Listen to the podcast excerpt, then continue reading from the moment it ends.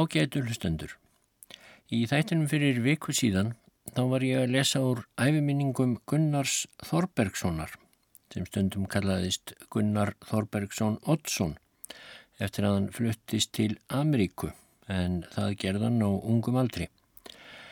Hann fættist í eh, Lóðmundarfyrði árið 1860 og 5 og ólstar upp alþýðu drengur í alla staði en tók upp á því sent á æfinni þegar hann var búin að vera í Ameríku lengi að skrifa æfiminningar sínar sem líkt kunnar eru. Og úr þeim var ég sem sagt að lesa fyrir viku og ætla að halda áfram í þessum þætti. Og Gunnar segir, ég var nú farin að taka þátt í allri heimilsvinnu á sjó og landi þótt ungur væri og fekk ég því snemma lífsreynslu á ymsan hátt er stælti líkamsþreg mitt og vakti mér aðtigli á sérkennum lífsins og náttúrunnar. Ég lærði að taka hættur og erfiðleika með ró og stillingu og einnig ofurlítið að hagnýta mér hinn margbreyttu fyrirbreyði náttúrunnar til meiri þekkingar á eðli hennar og lögum. Oft var ég hrifin af fegurðu náttúrunnar og fjölbreytni en ekki síður á stórleik hennar og hamförum þegar hún síndi þáhliðina, ekki síst á sjónum. Man ég vel hver undur hrifin ég var einn góðveðurs morgun þegar við bræður rérum til fiskjar út á svo kallaðan Húsavíkur klett sem var fiskimið. Var það langur vegur að róa tveim árum en með landi var leiðin. Við komum þangað um sólaruppkomu. Gleimi ég aldrei hver hrifin ég varð af þeirri fjölbreyttu fegurð sem þá byrtist mér. Fjöll og hæðir baðaðar í róða morgunsólarinnar. Óteljandi fugglaskari af öllum tegundum, sveifum loftið með söng og vangjaslögum. Var það margaratadur hljómleikur. Allavega litar fisktegundir óðu í torfum ofansjávar með glampandi sporðakostum því blíða lognuar. Slíkar hrifningar stundir mást aldrei úr endurminningu hugsandi manns. Margar slíkar stundir man ég en fáar þó jafn glæsilegar og þessa.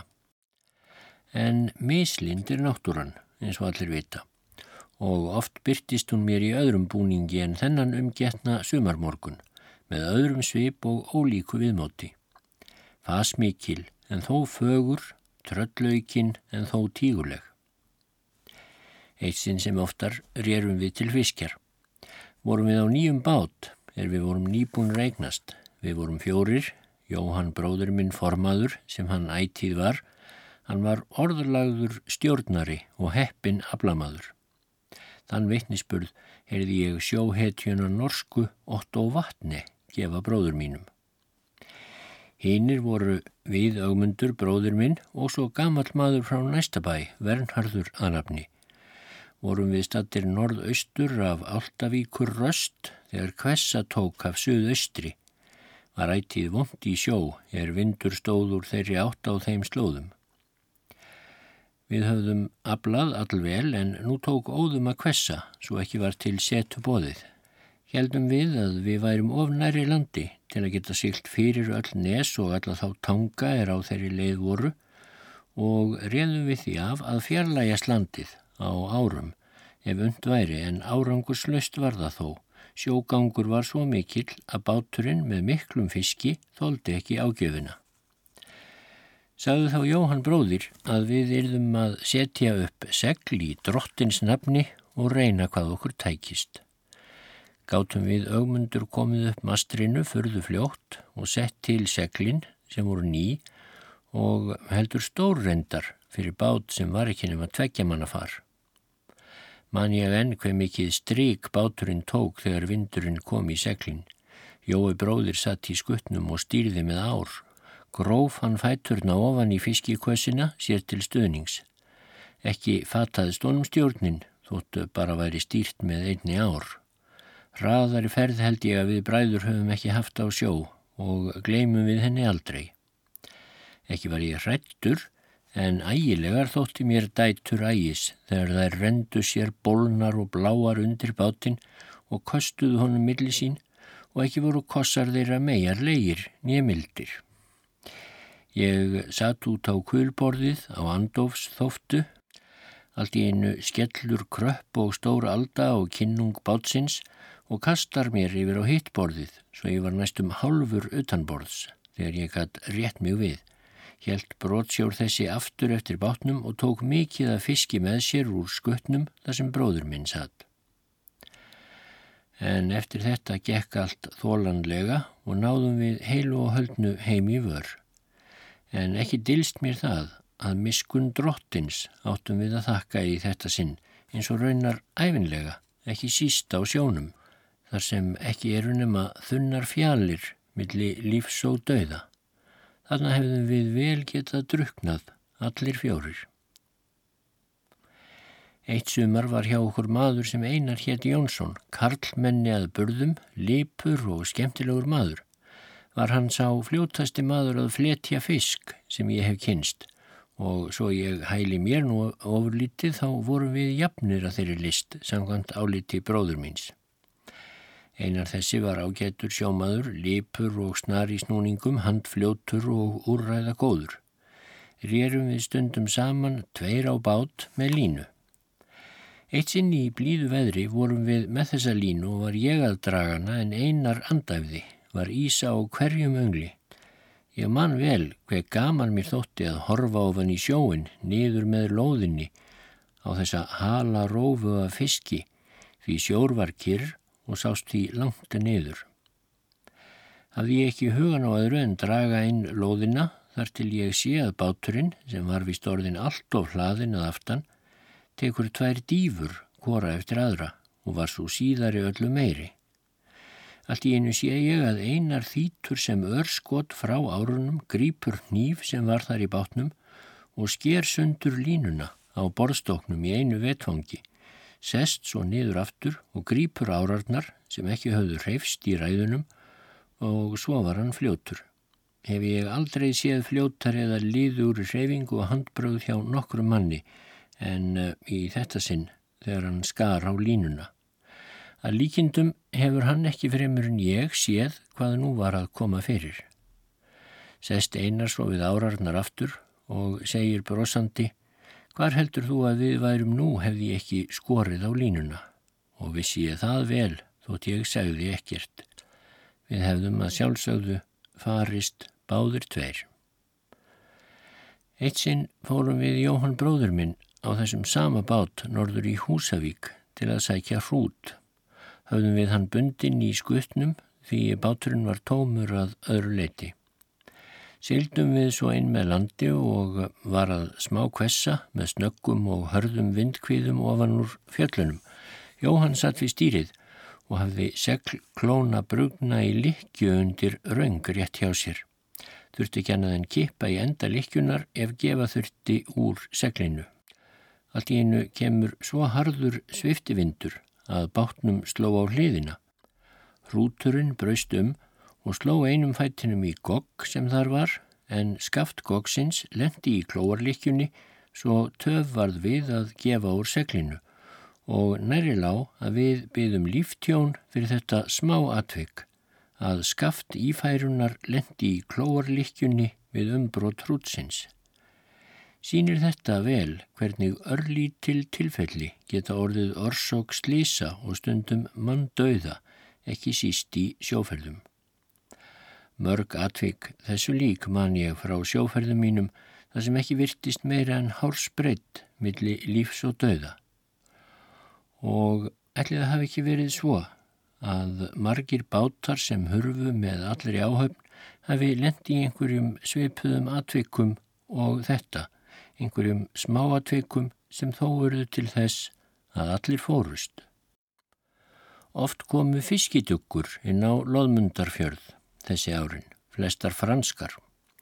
Á flestum duggunum var tómur ruslara líður. Fórum við bræður stundum út í duggur þessar og áttum kaup við skipsmenn. Færðum við þeim mjölk, einnig prjónles, svo sem sokka og vettlinga og fyrir það tókum við hjá þeim öngla, flatningarnýfa, handfæri og ýmislegt fleira. Eitt sinn kom eina þessum duggum og laðist við akkeri á vanalegum stað. Lögðum við bræður af stað með vörur okkar til þeirra að vanda. Með okkur var maður Jón að nafni, kallaður Ströndungur, kallmenni mikill og ílskeitinni út í það fór. Ég mun hafa verið um tvítugt þegar þetta var, en bróður minn var fjórum árum eldri. Rérum við nú að skútunni og lögðum við hlið hennar. Átti Jón Ströndungur að býða í bátnum og gæta hans, því kvika var umtalsverð, en við bræður réðumst til uppgöngu á dugguna. Voru frakkar þar fyrir í hóp og voru hinnir kumpánlegustu og buð okkur niður í káettu var skipstjórin þar fyrir og vín og glös á borðum. Bauðan okkur að drekka og þáðum við það, en hægt fórum við bræður að því og treystum ekki vinsemt þessari meira enn í meðalagi. Frá okkar samræðum get ég ekki greint, því málið sem við töluðum er ekki hægt að setja á pappir, allt babl og bendingar, fettur og brettur og fingrapatt, hlægilegt samtal hefur það vist verið, en allt skildist þó einhvern veginn að lokum. Eftir litla stund létum við okkar frönsku vini skilja að nú væri tími komin til að sína þeim vörur okkar og heldum við allir upp á dekk en þegar tilátt að taka voru vörur okkar hornar við höfum skilið þær eftir á dekkinu. Reyndi þá bróður minn að gera þeim frönsku skiljanlegt hvað í efni væri en þeir aðeins hristu hausinn, yftu aukslum og bölfuðu. Ég sagði þá hljóðlega við Jóhanna, hann skildi halda áfram að þrefa við þá og reyna að halda þeim í hóp meðan ég svipaðist um á dekkinu. Hafði mér til hugar komið ráð til að jafna rekningana við þessa frönsku þorpara. Skildi hann hvað ég myndi og helt áfram þrasinu við duggumenn og á meðan gekk ég aftur eftir skipinu í hefðum mínum, voru þar veiðarfæri af ímsutægi, þar á meðal hinn er ágætu flatningsnývar sem við sóttumst svo mikið eftir. Tók ég einn af þeim og laumaði í barminn, milli fatana, greip einnig nokkra öngla og stakk í vasana og röldi svo með hæð tilbaka þar sem Jóhann var enn að þrefa við frakkana og heimta aftur dótið okkar sem horfið hafði sagði ég honum að við skildum hætta að þrefa við á og fara og fór ég undan ofan í bátinn en þegar ég stíð á borstokk bátsins þá datt nýfurinn úr barmi mínum niður í bátinn. Sáu frakkar þetta, rákuð upp org og þustu út að öldustoknum en í sama bili og Jóhann var að stíða ofan í bátinn hafðu þorpararnir krekt einum sex goggum í bátinn okkar og heldu honum föstum við skipið. Nú voru góður að dýr og annað hvort að duga eða dreppast. Bróður minn var harðger maður, fljótur og snarráður, sögðu sumir að ég gæf honum ekki mikið eftir í þeim hæfileikum. Hann tekur tvo goggana, sinni í kora hönd og brítur þá og sama gerði ég. Þannig brutum við króka þessa jafnóðum og hinnir krektu þeim í bátinn en alltaf komu fleiri og helst þessi leikur góða stund. Loks varð ofilítið hlýja á krókakasti þeirra af einhverjum ástæðum, setti þá maðurinn sem með okkur var, Jón Ströndungur, árinna í skipsliðina og skaut bátnum úr kastfæri. Tókum við Jón svo sína árinna kór og rérum það sem við orkuðum, ráku frakkar þá upp org mikið og stukku fram og aftur á dökkusinni. En þegar við vorum komnir góðan spöl frá skipinu, byrtist eittir að með bissu og skutu svo bóvar þessir á okkur, komu sum höglin í bátinn en gerðu engan skada. Sneri þá Jóhann sér við og síndi þeim óæðri enda líkamassins eins og hann var frá náttúrunar hendi. Heldum við síðan til lands en rétt þegar við vorum að brína bátnum sáum við hvar hópur frakka kemur á skipsbátnum og stefna þeir bynd til okkar þóttumst við veita hvert erindið myndi vera. Hlupum við bræður þangað sem bissur okkar voru, gripum sína bissuna kvor og skunduðum niður að lendingu. Mættum við þá Jóni félaga okkar og saðist hann helst vilja vera laus við það sem eftir sé af þessum leik. Letum við það gott heita. Heldum við svo áfram út á Ísta klappar nefið þar hjá lendingunni og byðum vikinga þar til þeir voru komni svo nærri sem okkur þótti hæfilegt skotfæri til að sína þeim hvað væri í bissunum og að ekki myndi hættulust fyrir þá að fara lengra. Sendum við þeim þá sitt skotið kvor. Hafði það þau áhrif að þeir snýru bátnum við og rýru til duggusinnar. Hefur þeim að líkum ekki þótt árænilegt að gera strandtök þar sem viðtökurnar voru ekki betur en þetta. Oft eftir mér þetta í hug þegar ég hugsa um hugdirfð og snarræði Jóhanns bróður míns. Vel hefði mátt um hann segja það sem Þorgils Arason sagði við skafta lögmann Þorgir frændaminn higg ég eigi hræðast kunna. Eitt sinn vorum við bræður á sjó, sem oftar, langt norður með landi. Svarta þoka var og sutti. Sáum við þá bát all skamt frá okkur, voru þrýr menn í honum og virtist okkur þeir hýma þar aðgerðar lausir. Rjærfum við til þeirra til að vita hverjir þeir væru eða hvernig á þeim stæði, en styrðar urðu samræður við þá, því þetta voru útlendir menn. Samt gáttum við einhvern veginn komist að því að þeir voru af ennsku fiskiskipi og hafðu vilst frá skipinu, því dimt veður og þokka hafðu verið undanfarið voru þeir búinir að svingla um sjóin í þrjá daga matarlausir og ítla til reyka. Voru þeir ítla útlítandi þeir ensku og hnugnir. Tókum við þá með okkur til lands og voru þeir hjá okkur í þrjá daga en auðsíð var óþreyja og löngun þeirra eftir að komast aftur á sjóin. Svo eftir þrjá daga lögðu þeir af stað með okkur á sínum eigin bát, heldum við út á sömu stöðvar og við höfðum fundið á á en ekkert skip var þar sjáanlegt. Mátti þá lesa vonbreyðin og hugsíkina á andlitum þeirra ensku. Næstum átakanlegt var að sjá hvað er störður löngunar fullir út á hafgeimin og ekki verði ég svo gamal að ég gleimi þeirri miklu breytingu sem varð á þeim litlu síðar þegar við komum auða á skip á siglingu allangt í burtu. Undir eins og við sáum skipið settum við upp merki með vasaklútum okkar og sama gerðu englendingarnir. Sáum við von bráðar að skipið gaf merki um að þeir hefðu séð okkur og þegar það nálgæðist þekktu bátsmenn þar skip sitt og rýru á mótið í svo hart sem þeir gáttu og sáum við þá síðast hlaupa upp á skipið. Hefur þarfist orðið fagnar fundur og gladir vorum við bræður yfir svo heppilegum málalókum. Einu sinni var hjá okkur maður til sjóróðra sem Fridrik hétt með minnir Einarsson. Hann var myndar maður og gjörfilegur. Var hann veikur og hafði verið það allangan tíma þegar það gerðist sem nú skal greina. Eitt kvöldum sumarið var Jóhann bróðir með öðru manni á sjó en ég var í landi og átti ég að beita loðina fyrir næsta róður, var það vannarlega verk mitt.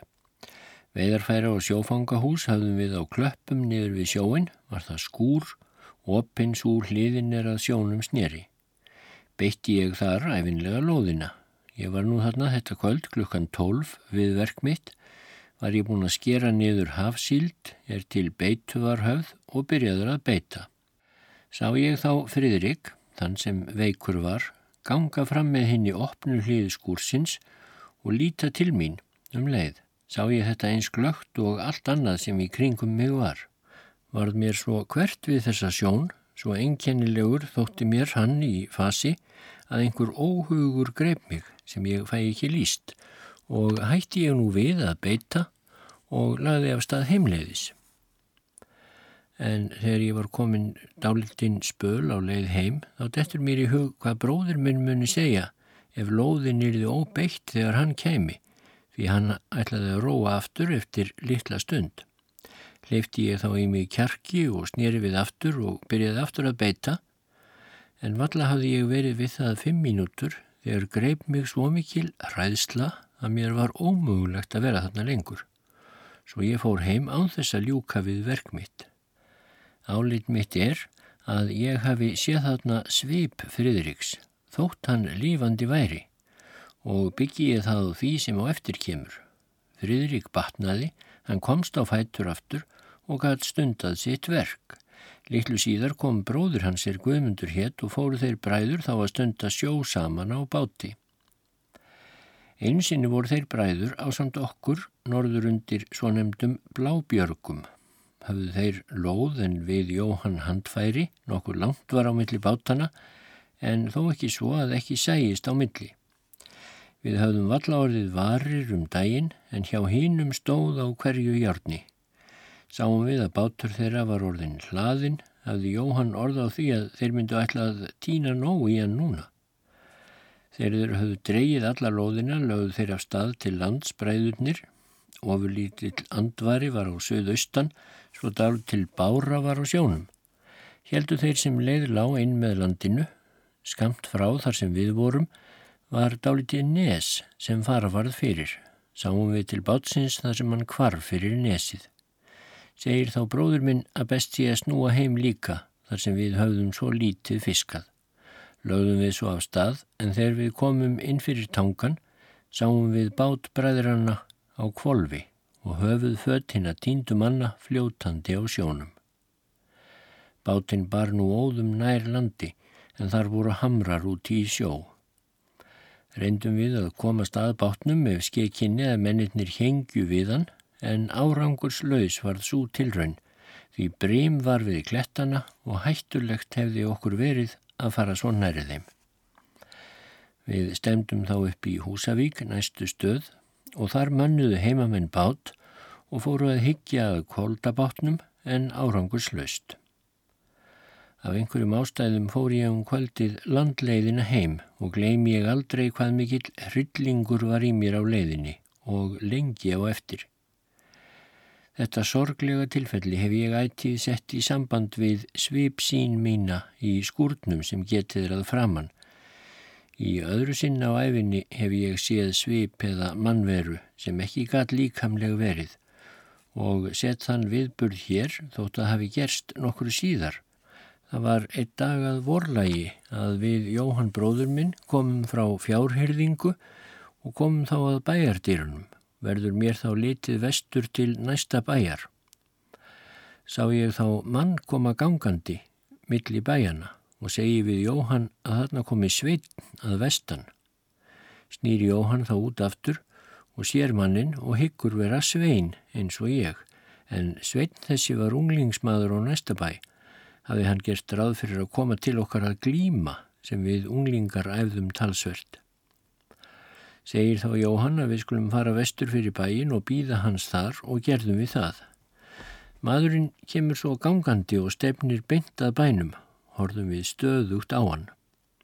Fyrir vestanbæjarlækin var svell í hallanum, hálkt mjög því hálka hafi verið um daginn. Gengur maður þessi, eða hvað þetta var, yfir svellið með hendur í vösum eins og ekkert væri. En í stað þess að koma til okkar fer hann nú milli milnunnar og bæjarins segir þá Jóhann. Þetta er ekki sveitn, ég skil ekkert í háttalagi þessa manns.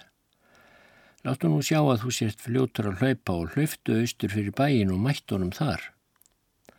Brá ég við og hendist með þeim flíti er ég átti til, en þegar þangað kom var það reyngin, nema þórun sýstir mín og kunningi stúlka hennar sem voru að tala saman. Spurði ég þær hvort þær hefði ekki séð mannin sem fóru austur á bakvið bæin og neituðu þær því sögðust engan mann hafa séð, en ekki gatan hafa farið þar um án þess að þær hefðu séðan. Gat þetta því ekki verið náttúrulegur maður. Sama kvöldið komu fjórir menn sem voru á ferð til borgarfjörðar, en daginn eftir fyrirfór sér einn af þeim. Ekki veriðist mér ólíklegt að sín okkar bræðra hafi verið feigðar bóði þessa manns, en það mun það almennt álit um slíka fyrirburði. Þótt enn hafi ekki fengist fullnægjandi skýring á slíkum sveipum, þá er ekki óhugsandi að sálarrannsóknir nútímans komist að eðli þeirra og lögmáli því sem þeim veldur. Í hákarlalegur fórum við stundum, var þá æfinlega lagt saman af báðum bæinum. Man ég best eftir þeirri fyrstu sem ég fór í. Rérum við um kvöld og var snjófjúk. Við vorum fjórir, við bræður og tveir menn frá Nesi var annar S. Sigfússon sakfræðingur. Lögðumst við nú við stjóra. Ég og annar nesmaðurinn sátum með vaðina. Þetta litla stund fann ég að kift var í og byrjaði ég að draga en ekki leið og löngu þar til mér þótti svo þungt að bróðurinn minn tók við vaðunum og eftir litla stund byrtist við borðið langur og grár hákarls skrokkur og man ég enn hver hróður ég var yfir þeirri veiði. Í annaðsinn vorum við í hákarlalegu og vorum búinir að liggja eina nótt. Um morguninn í byrtingu þá lagði ég mig fyrir fram í barka og sopnaði fljótt því sifjaður var ég. Eftir litla stund kom Alda framann á bátinn og vaknaði ég við að kaldur sjórin rann um hálsmér og herðar og ekki var notalegt að vakna að værum blundi við slíka skvettu því norðaustan stormur var með kavalds fjúki. Man ég líka að saman skelltust tennurnar því skolvið mun ég hafa eftir skýrnina. Mörg fleiri atvik man ég frá sjóferðum okkar þótt ég sleppi þeim hér, aðeins einu vil ég bæta við. Vestlunarferðir fórum við til Seyðisfjörðar sem er næsti fjörður við Lóðmundarfjörð að sunnan, fórum við þangað stundum tvísvar þrísvar á viku með saltfisk til sölu. Eitt sinn vorum við bræður stattir á fjörðaröldu, búnir til heimferðar, heitum við þá norska stórmennið Otto Vatni og báðum hann að lofa okkur að binda bátokkar aftan í gufuskip hans sem láð þar ferðbúið á höfninni og leifðan það fúslega var svo lagt af stað, langur kaðal, lág frá skipinu í bátinn, gekk ferðin fljótt og vel og var hraði skipsins alltaf að aukast. Kom vatni sjálfur við og við aftur á skipið að líta eftir hvernig gengi. Var þá mikil ferð komin á skipið og fritti löðriðum bátokkar og sáum við vatni brosa.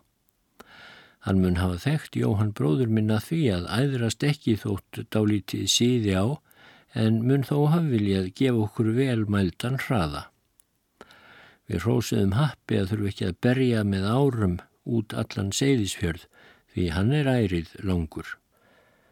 Einu sinnum vetur, rétt fyrir jólinn, láðum við Jóhann frændi minn af stað norður í Húsavík. Við áttum frændfólk þar og var tilgangurinn að skemmt okkur hjá því einn eða tvo daga við spil og dans og fleira. Báður hafðum við bræður skýði vorum vel að okkur í þeirri list, þó mun ég hafa verið þar fremri.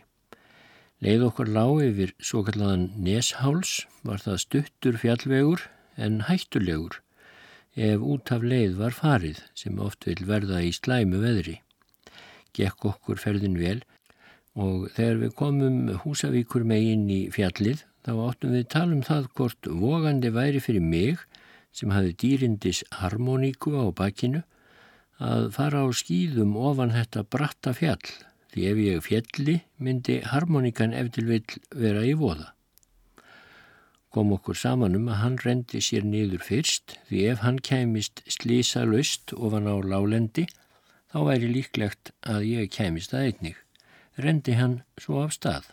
Leiði nú góð stund þar til ég sá hann bruna austur eftir sléttunni fyrir neðan fjallið og leiði ég þá af stað Hálf híkandi þó var rættur um að ég misti jafnvægið á fluginu því íslensku fjöllin eru há og brött, svo litlum á muna og svo hraðri ferð en allt gekk þetta vel.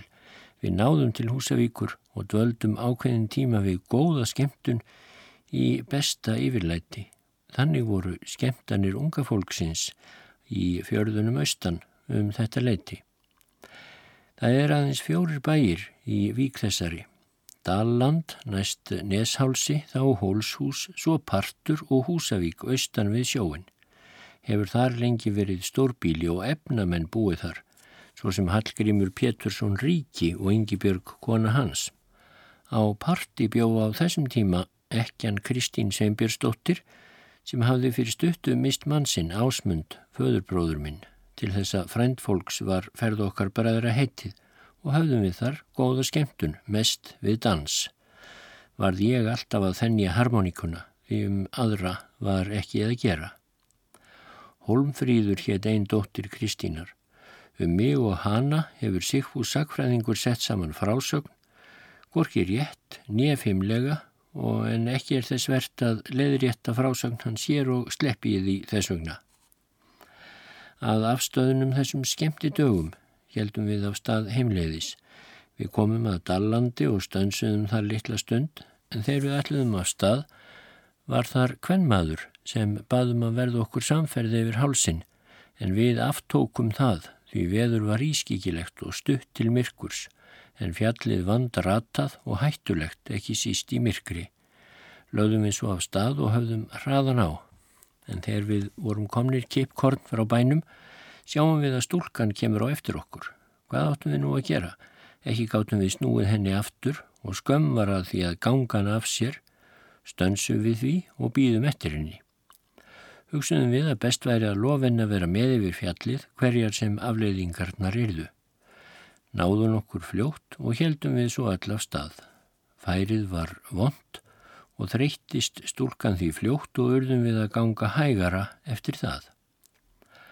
En þegar við vorum að komast upp á fjallið skalla á blind ösku bílur með hörku frosti heldum við samt áfram, en eftir nokkur tíma örðum við þess varir, bræðurnir, að við vorum ekki á réttri leið því við fundum ekki leiðarmerki sem var á fjallinu. Nú voru góð ráð dýr, eins og oft er sagt þegar eins er ástatt. Með okkur var hundur sem vanur var að vera á undan í ferðarlögum, en nú brá hundurinn út af því og kendum við það stálpuðum kolpi sem líka var með okkur. Hundurinn vildi ekki slíta sig frá korpinum og vísaði okkur því ekki leiðin áfram.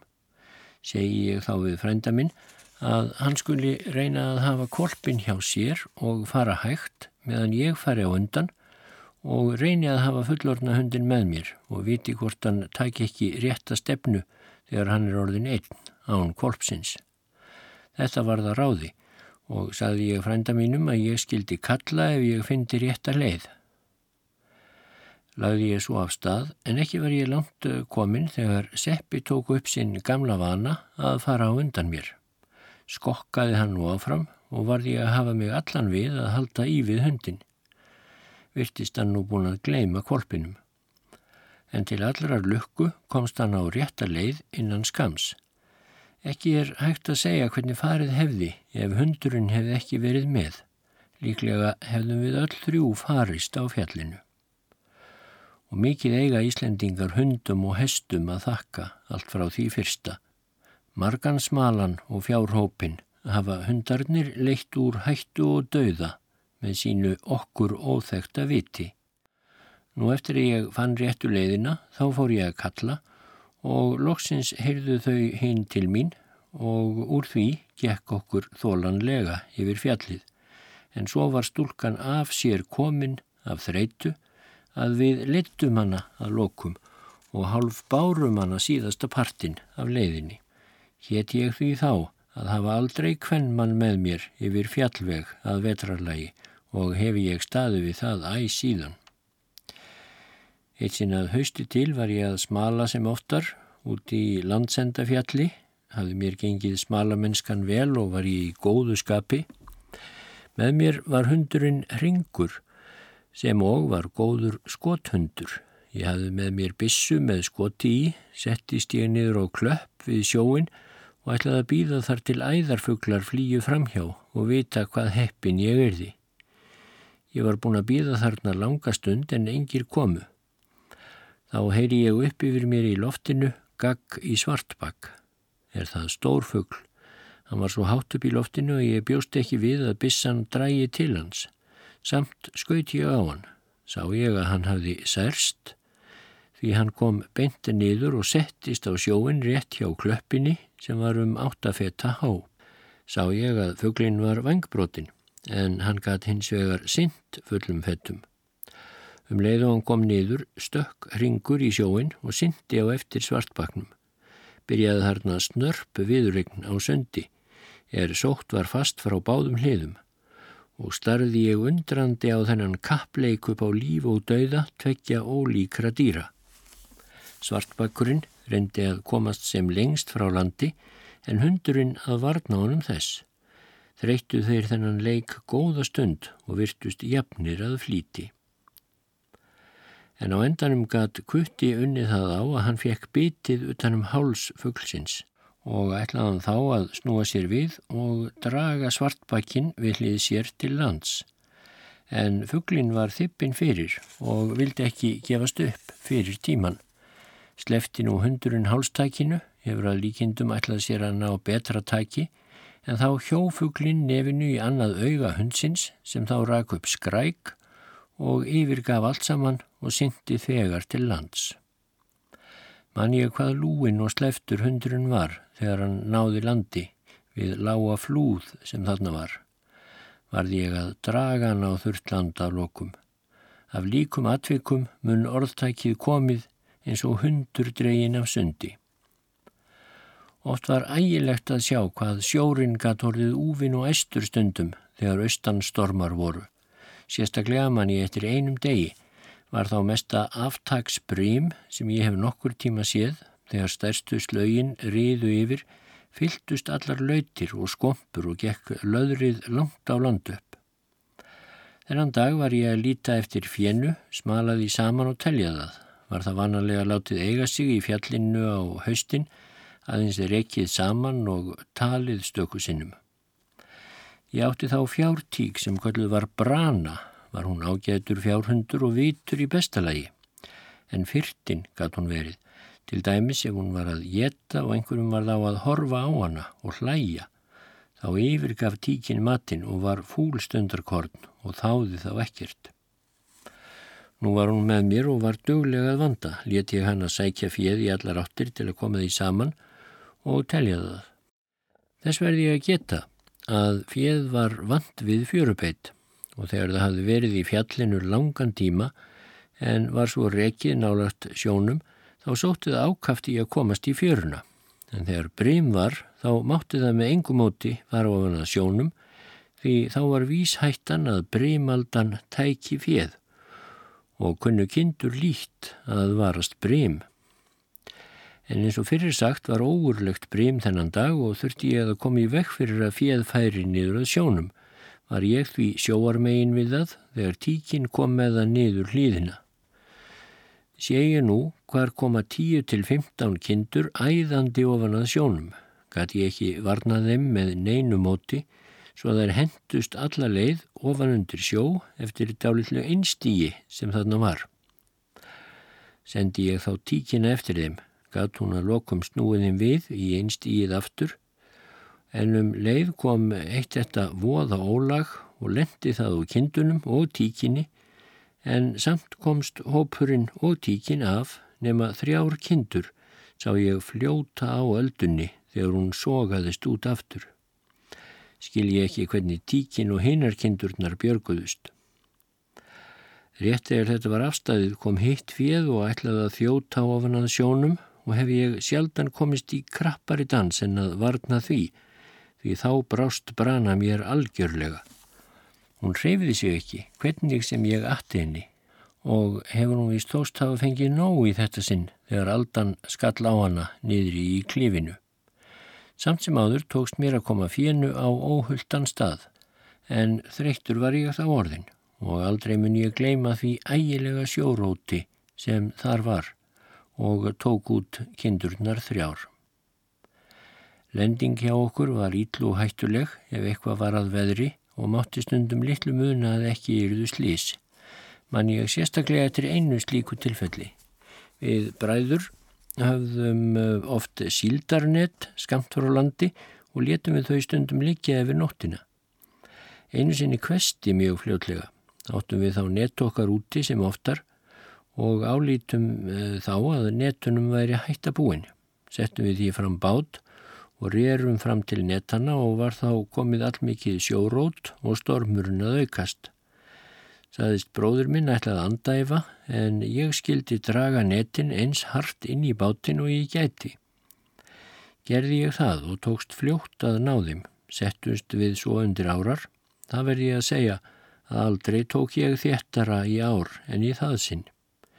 Ég var þá um tvítugt, ekki var nema lítill spölur sem við þurftum að róa til að komast í vör undir sjóarbökkunum, þar sem stormurinn var heldur vægari, en erfitt ætlaði að verða að komast, því góða stund unnum við ekkert á og var þó lagt allt fram sem við áttum til.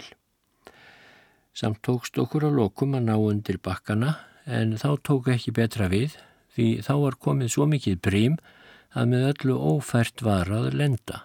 En hvað var þá til ráða?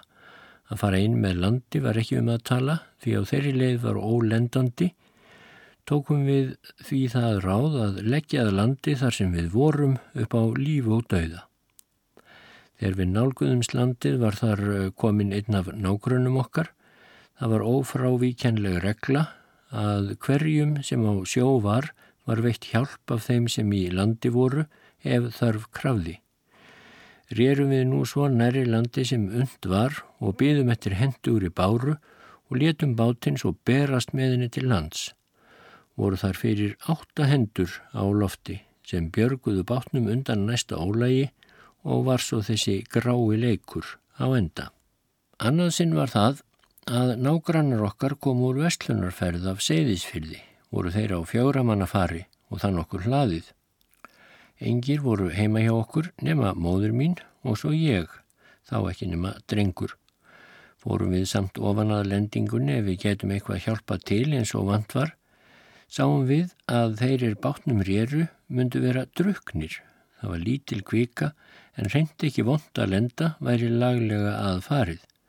Mart fólk var í skipinu bæði konur og karlar fóru róðrarmenn hægt að landi en báru sig þó mjög klauvarlega vegna þess hver druknir þeir voru því þegar báturinn rannað landi var farið að draga úr öldunni sem baran svo hann komst ekki nema tæplega hálfur upp í klapparbrúnina og seg því að aftan svo að hann nærri stóð á endan meðan útsóið var.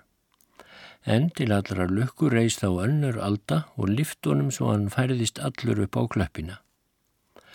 Móður mín sem hafði Karlmann spurði óð þá á móti bátnum og reyndað haldunum í réttu horfi þegar næsta alda riði undir hann. Var það aflraun mikil og auðvitað henni ofvaksið en í sömu sveipan var nokkuð af mönnunum komið út úr bátnum því mesta ölvíman hafði farið af þeim við hættuna sem þeir voru í svo allt fór þetta betur en áhorðist nema móður mín mittist æði mikið á öðrum fættinum af því að draga bátinn sem losnað hafði að framann þegar aldan rattunum upp á klöppina. Lá móður mín lengi vegna þess en var þó jafn góð aftur um síðir. Eitt vorum páskana, ég hygg 1882, fórum við bræður í kirkju norður í Húsavík. En á heimleiðinni skalla okkur blindsvartur norðan bílur með geysilegri fannkomu og helst svo voða tíð í langan tíma. Man ég þann almenna fögnuð þegar loks batnaði en óbjörgulegt var að sjá til sjávarins því allir fyrðir, víkur og vogar voru hulin hafís. Meðan á þeim harðindum stóður rétt eftir páskana var það einn morgun að bondin frá næsta bæ kom til okkar og sagðan okkur þær fréttir að rekin væri vætn reyðarkvalur á svo nefndum bólabás hafði hann rakist undan ísnum. Fór þá Jóhann bróður minn með honum strax á kvalfjöruna. Slíkt er ekki látið býða, síst þegar hart er í ári eins og þá varum land allt. Eftir fáa daga var þarna komin fjöldi manns úr öllum nærlíkjandi fjörðum og ofan af héradi.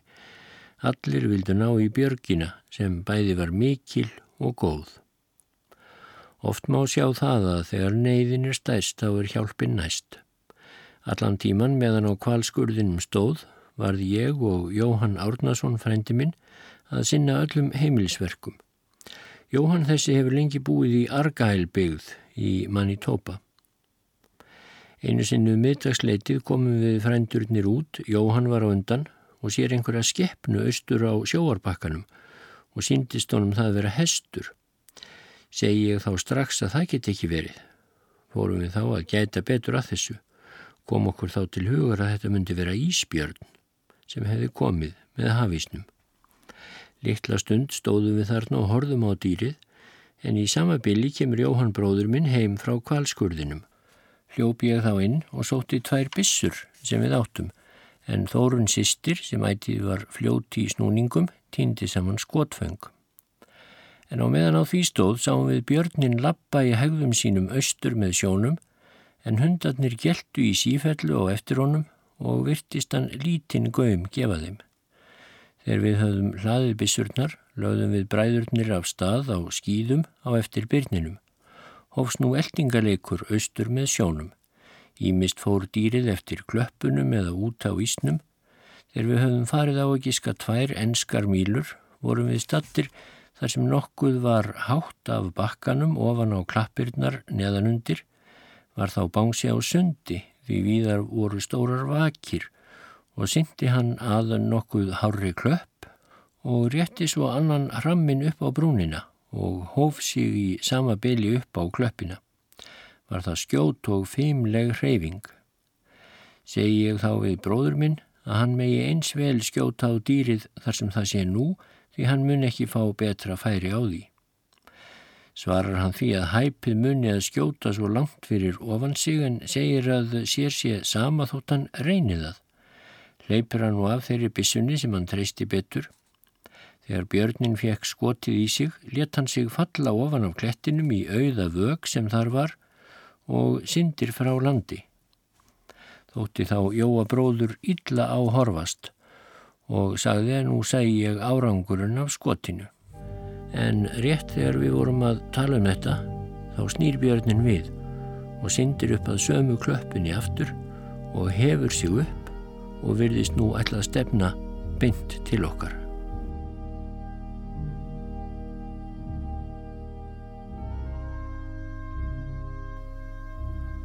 Hvernig skildi eiginlega hafa farið? Skutu þeir íspjörnin eða átt íspjörnin þá? Frá því segir í næsta þætti.